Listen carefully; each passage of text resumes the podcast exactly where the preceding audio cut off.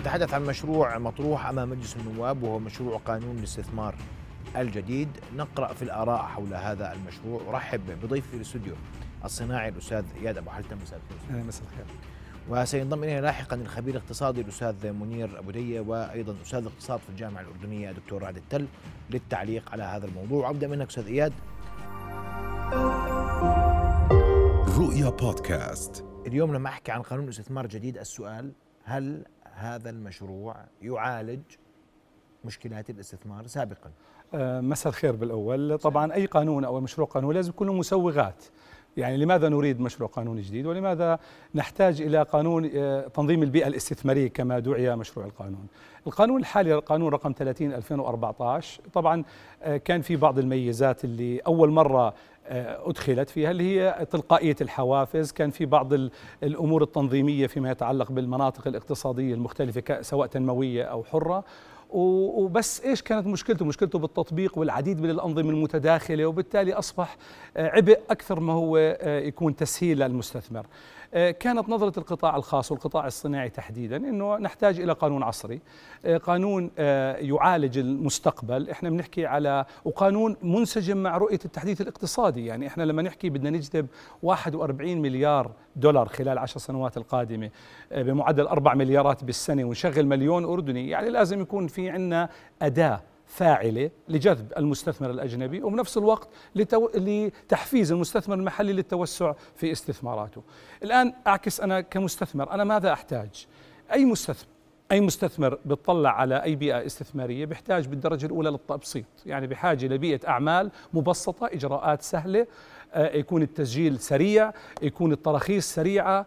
آه، المشروع القانون بين إيدينا حط مبدأ وأتوقع مبدأ جيد وهذا كان يطالب فيه القطاع الصناعي اللي هو رخص الآن ودقق لاحق يعني الترخيص المسبق والتدقيق اللاحق. الآن للأسف أنا ما شفته بصياغة القانون.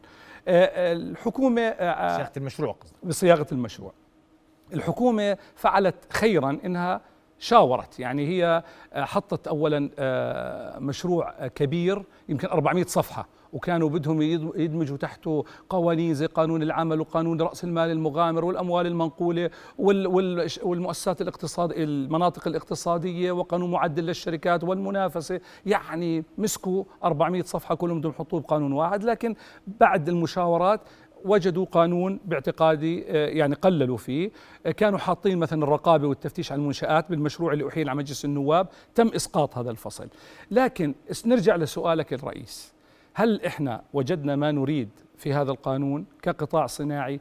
بالحقيقة هو لا يرقى للطموح. في بعض الأمور الإيجابية آه، على سبيل المثال آه، بعض الصلاحيات يعني حكى مثلا بنص واضح إنه المرجعية هي وزارة الاستثمار، نعرف إحنا على مدار الفترة السابقة هيئة الاستثمار كانت هيئة للأسف ما في أي صلاحيات واضحة بالقانون، عبارة عن هيئة متابعة معاملات لدى الوزارات المختلفة، ما في كان فعلا صلاحية قوية لرئيس هيئة الاستثمار حتى لو كان وزير دولة للاستثمار أو وزير استثمار. آه، في هذا القانون حطوا نص واضح إنه المرجعية الأولى أو الرئيسية للاستثمار ومتابعة شؤون المستثمرين هو هي وزارة الاستثمار. آه، مجلس الاستثمار وبناء على طلب من القطاع الخاص والمناقشات اللي صار أصبح بعض الصلاحيات له، لكن برضه كمان صلاحيات غير كافية. آه، الإجراءات مثلا النافذة الموحدة اللي حكينا عليها كثير وعبارة عن كانت نافذة صورية خلال الفترة الماضية لأنه كان كل مفوض في النافذة حسب القانون الحالي الساري. يرجع لوزارته من خلال لجان بيروقراطية وأي مستثمر قد يجلس ست أشهر وهو بيستنى. نفس اللفه نفس اللفة. حطوا غيروا الاسم. حطوا الخدمة الاستثمارية الشاملة. إحنا بالنهاية كمستثمر ما بتطلع اسمي لي نافذة موحدة ولا خدمة استثمارية شاملة. أنا بتطلع على الجوهر. الجوهر أنا كمستثمر بدي أتوسع في استثماري سواء كنت محلي أو مستثمر أجنبي غير أردني جيت على البلد بدي أسجل في نشاط صناعي أو نشاط عفوا نشاط اقتصادي بدي أسلم اونلاين لأنه كل العالم بطل الورق هذا بطل يعني بتروح على السعودية على مصر السعودية خلال ست ساعات بتسجل آه، اي أي منشأة أي استثمار. على التدقيق لاحق هذا حق حق الحكومة أو حق الدولة. لكن أنت لازلنا في نفس الدوامة إنه لازلنا بنحكي على نستعرض الأسباب الموجبة لمشروع قانون الاستثمار الجديد وللتوثيق فقط ومن باب المهنيه عرضنا على وزارة الاستثمار المشاركة لكنها اعتذرت عن ذلك وهي غير حاضرة يعني إن صح التعبير هذه الوزارة. نعم. إعلاميا لا توضح هذه الأمور. تفضل.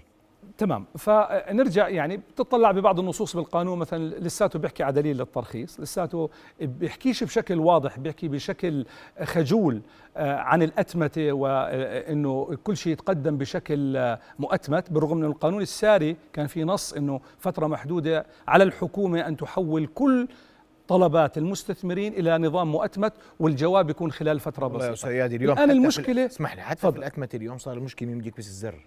مزبوط صراحة. مزبوط عشان نحكي الواقع إحنا ما أتمتنا عشان واحد يكبس الزر. لا لا إحنا أنا أتمتت عشان يكون في مدة زمنية واضحة تمام. للجميع تحصل في المعاملة على الموافقات المطلوبة. هكذا الأصل.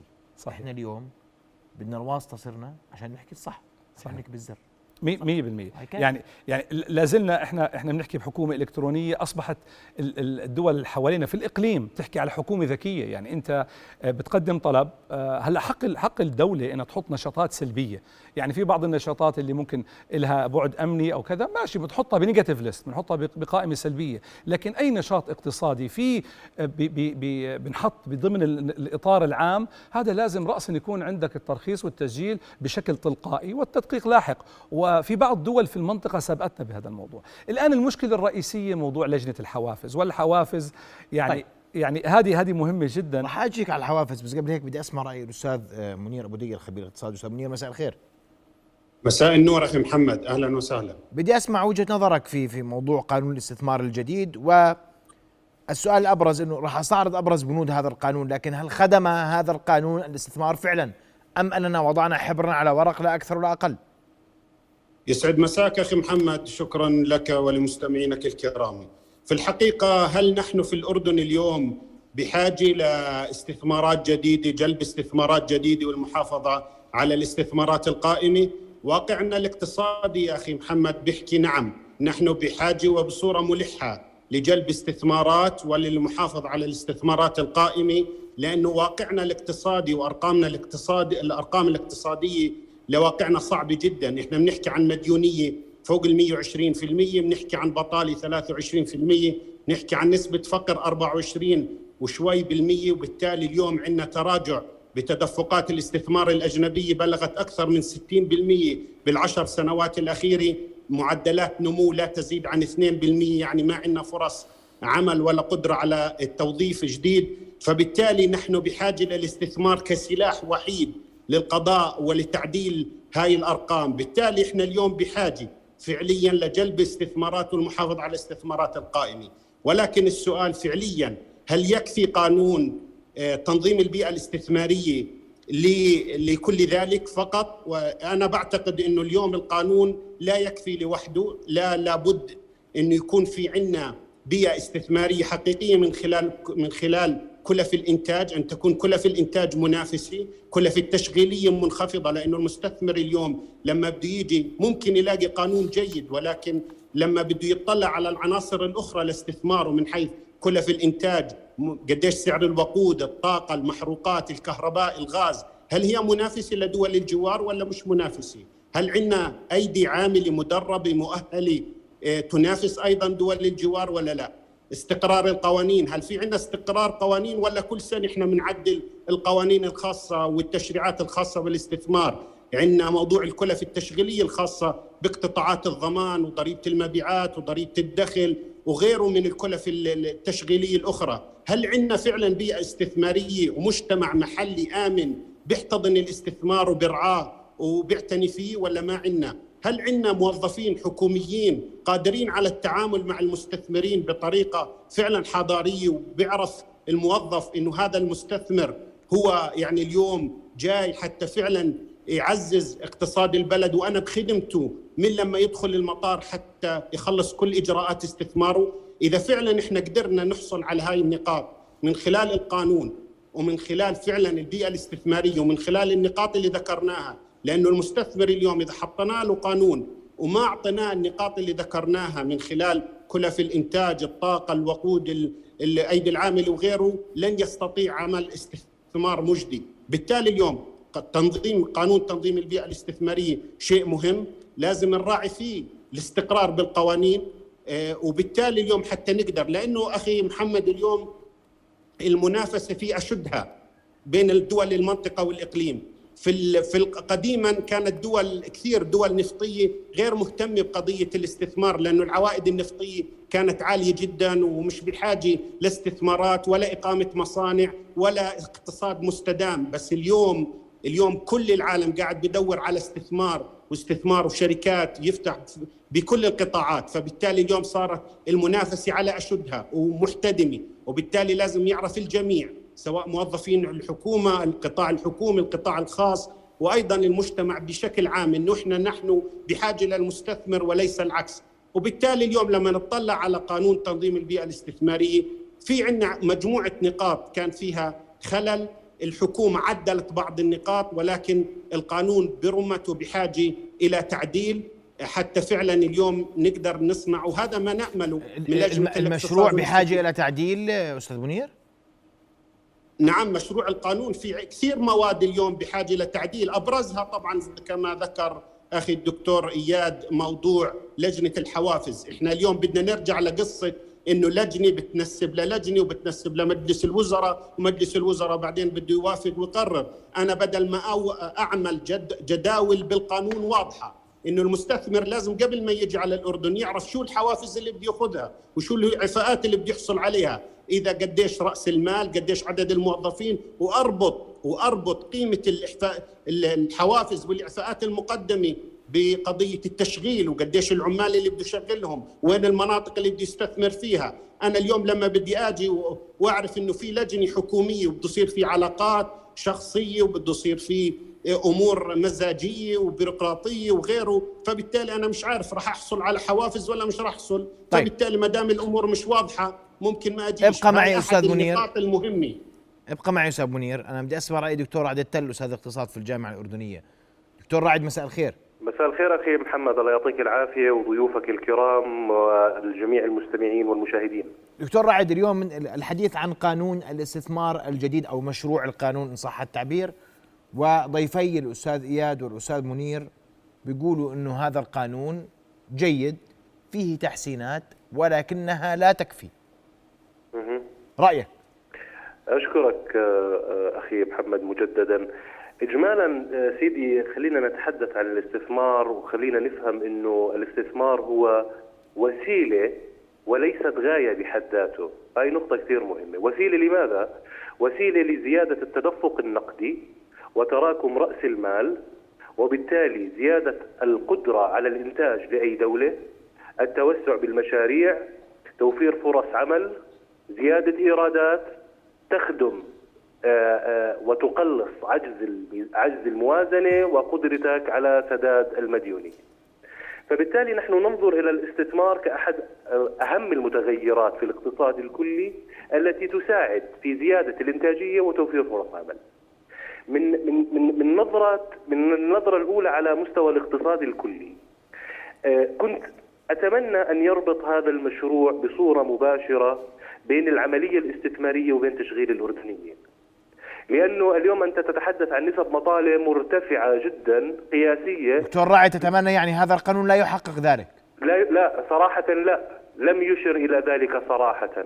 وهو إذا ما أردت أن تتوسع في الحديث هو صلب ولب الرؤية الاقتصادية.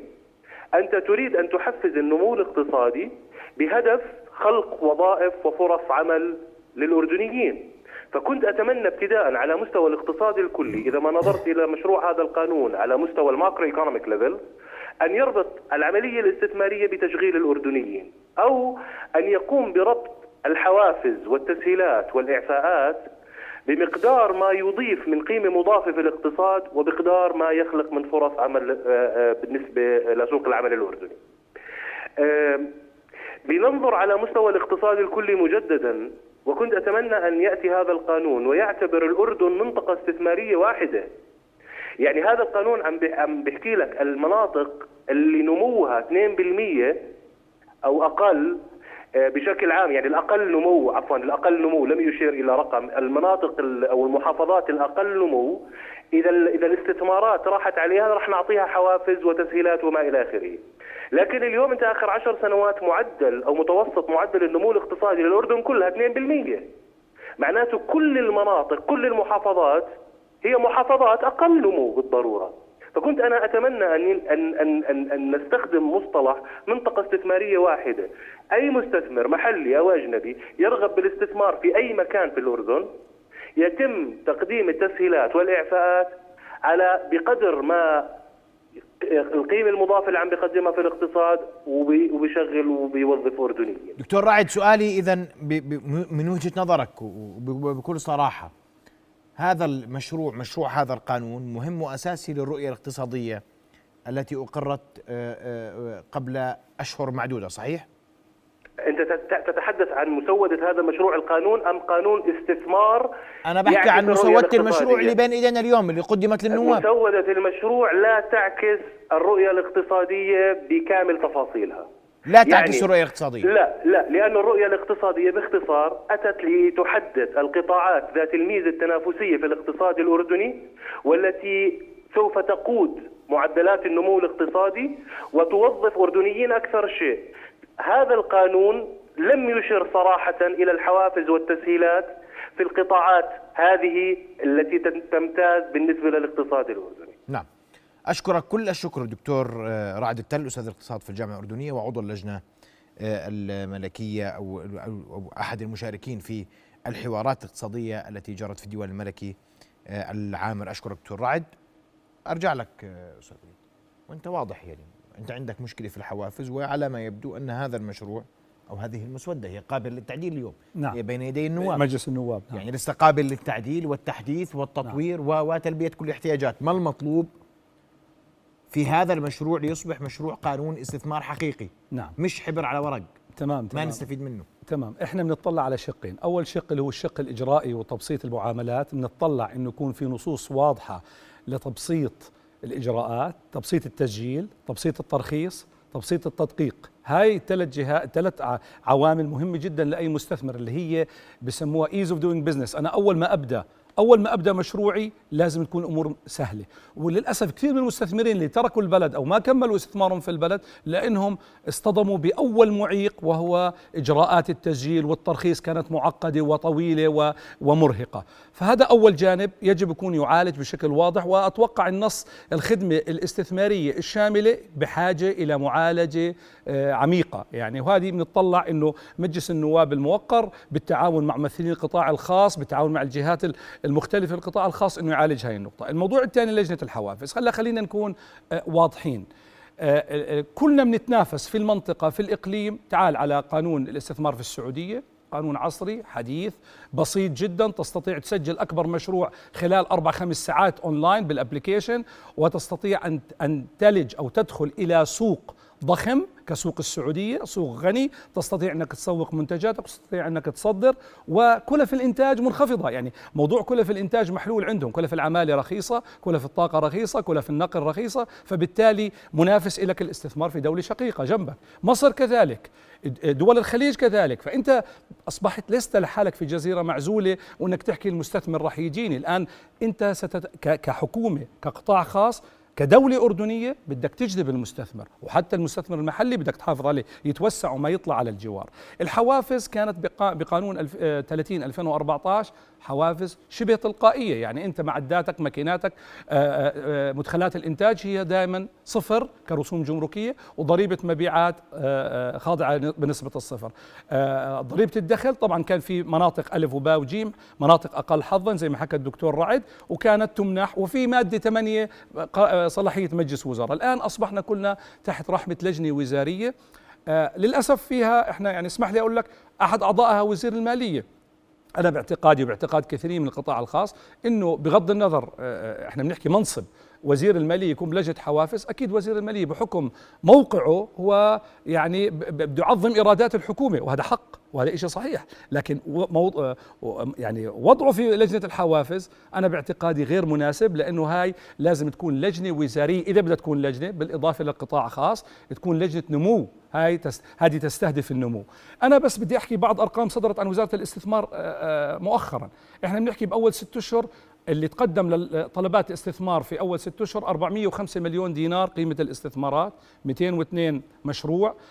الإشي الغريب 94% منهم خارج المناطق التنموية. طب عندنا خلل. يعني أنا آه، يمكن شوي متحفظ على موضوع إنه نعتبر الأردن كلها منطقة تنموية واحدة لأنه في تباين واضح. الكل بروح على عمان الكل بروح على إربد أو قصبه إربد قصبه الزرقاء قصبه عمان. طب محافظات الجنوب كيف بدك تعمل تنمية؟ إذا ما كان في فعلا تشجيع استثمار حقيقي هناك. للأسف ما قدرنا نوصل. ما قدرنا نقنع المستثمر المحلي أولا أنه يروح على يستثمر في مدينة الكرك الصناعية. مدينة الطفيل الصناعية ولا مستثمر صناعي. مدينة معان. هاي المدن لماذا لا يكون هناك سياسات استثمارية واضحة؟ وهون بيجي اللي أنا بطرحه أو طرحه زملائي كمان معنا مرصد استثماري. إحنا كمان عندنا مشكلة حقيقية إنه إحنا ما بنوجه المستثمر باتجاه معين. يعني أنت أمانة عمان تعال على شارع بتحكي لك بين صيدلية وصيدلية في مسافة محددة بين مخبز ومخبز في مسافة محددة كحد أدنى. طب إحنا كلنا نروح على قطاع محدد كلنا نهجم عليه. طب ما الكل راح يطلع خسران. ليش ما يكون عندي قاعدة بيان المستثمر طبعا صاحب القرار لكن أنا بدي أوجهه أنا واجبي كوزارة استثمار أروج الاستثمار أسهل الاستثمار وأعمل نصيحة للمستثمر. أنا بحاجة بالأردن زي ما حكى الدكتور رعد وزي ما حكى الدكتور منير لمشاريع ذات قيمة مضافة عالية توطن التكنولوجيا المتقدمة وتشغل أردنيين ذو مهارات عالية. لما نعرف إنه 35% من حملة البكالوريوس في الأردن هم متعطلين عن العمل. طب ما هذا بيستدعي إنه يكون في سياسة واضحة. وهون بيجينا للب المشكلة. إحنا لازلنا في الأردن نفتقد إلى سياسة اقتصادية. هاي المظلة تحت سياسة صناعية سياسة زراعية سياسة استثمارية سياسة زراعية. ما في عندنا مش عندنا الرؤية لعشر سنين واضحة ما أنا ما إحنا ما إحنا وفيها قطاعات مختلفة. فيها قطاعات ثمانية. فصلناها تفصيل فصلناها. وقلنا كل قطاع وين بده يروح. بس ما شفناها بشكل واضح. في أول اختبار أول اختبار لرؤية التحديث الاقتصادي هذا القانون مشروع القانون بين إيدينا. هذا الاختبار إحنا يا دوب حصلنا ما أظن حصلنا علامة النجاح لسه يعني بدنا بدنا شوي نجود هذا القانون مع مجلس النواب لنوصل برأيي المتواضع 50% القانون إحنا كنا كقطاع خاص نطلع شيء عصري شيء ننافس فيه مشاريع الاست... قوانين الاستثمار في دول محيطة فينا زي السعودية زي مصر دول الخليج. أنا طيب. باعتقادي هذا لا زال بده شغل كبير عليه. آه، آه، أنا بس بدي آه، أحكي بشكل واضح. كلف الإنتاج عندنا في بعض الجهات في بعض النقاط زي كلف الطاقة مرتفعة. أنا لازم أطلع وين ميزتي النسبية طيب. وين ميزتي التنافسية كبلد وأشجع عليها. مجلس الاستثمار مجلس باعتقادي صلاحيته بحاجة لتوسع أكثر، إحنا مش مجلس استثمار بدنا صوري آه، أمام أمام الرأي العام إنه والله عندنا مجلس استثمار، أين صلاحيات مجلس الاستثمار؟ هذه هذه النقطة. واضح. صلاحيات أوسع لوزير طيب. الاستثمار. هو بده صلاحيات عشان يعرف يشتغل بس بده يشتغل عشان بده يعرف شو القطاع بده هاي بدها تكون موجودة. كله بده يعرف القطاعات شو بدها عشان يشتغل عشان نتفق. صحيح. إذا لم نجلس مع القطاعات ونسمع منهم نعرف شو بدهم وننبي طموحاتهم حتى يقدروا يتقدموا مش مصالح شخصية عشان كمان نكون واضحين. صحيح. قطاعات يا ريت. صحيح. أستاذ منير أسمع وجهة نظرك. هذا القانون لا يتماشى والرؤية الاقتصادية للدولة الأردنية في العشر سنوات القادمة لم يحقق حد النجاح لتحقيق هذه الرؤية. وجهة نظرك تفضل. يعني أخي محمد أنا بدي أحكي بثلاث نقاط آه، بالنسبة للقانون، اولا طبعا. موضوع قصة المستثمر الكبير.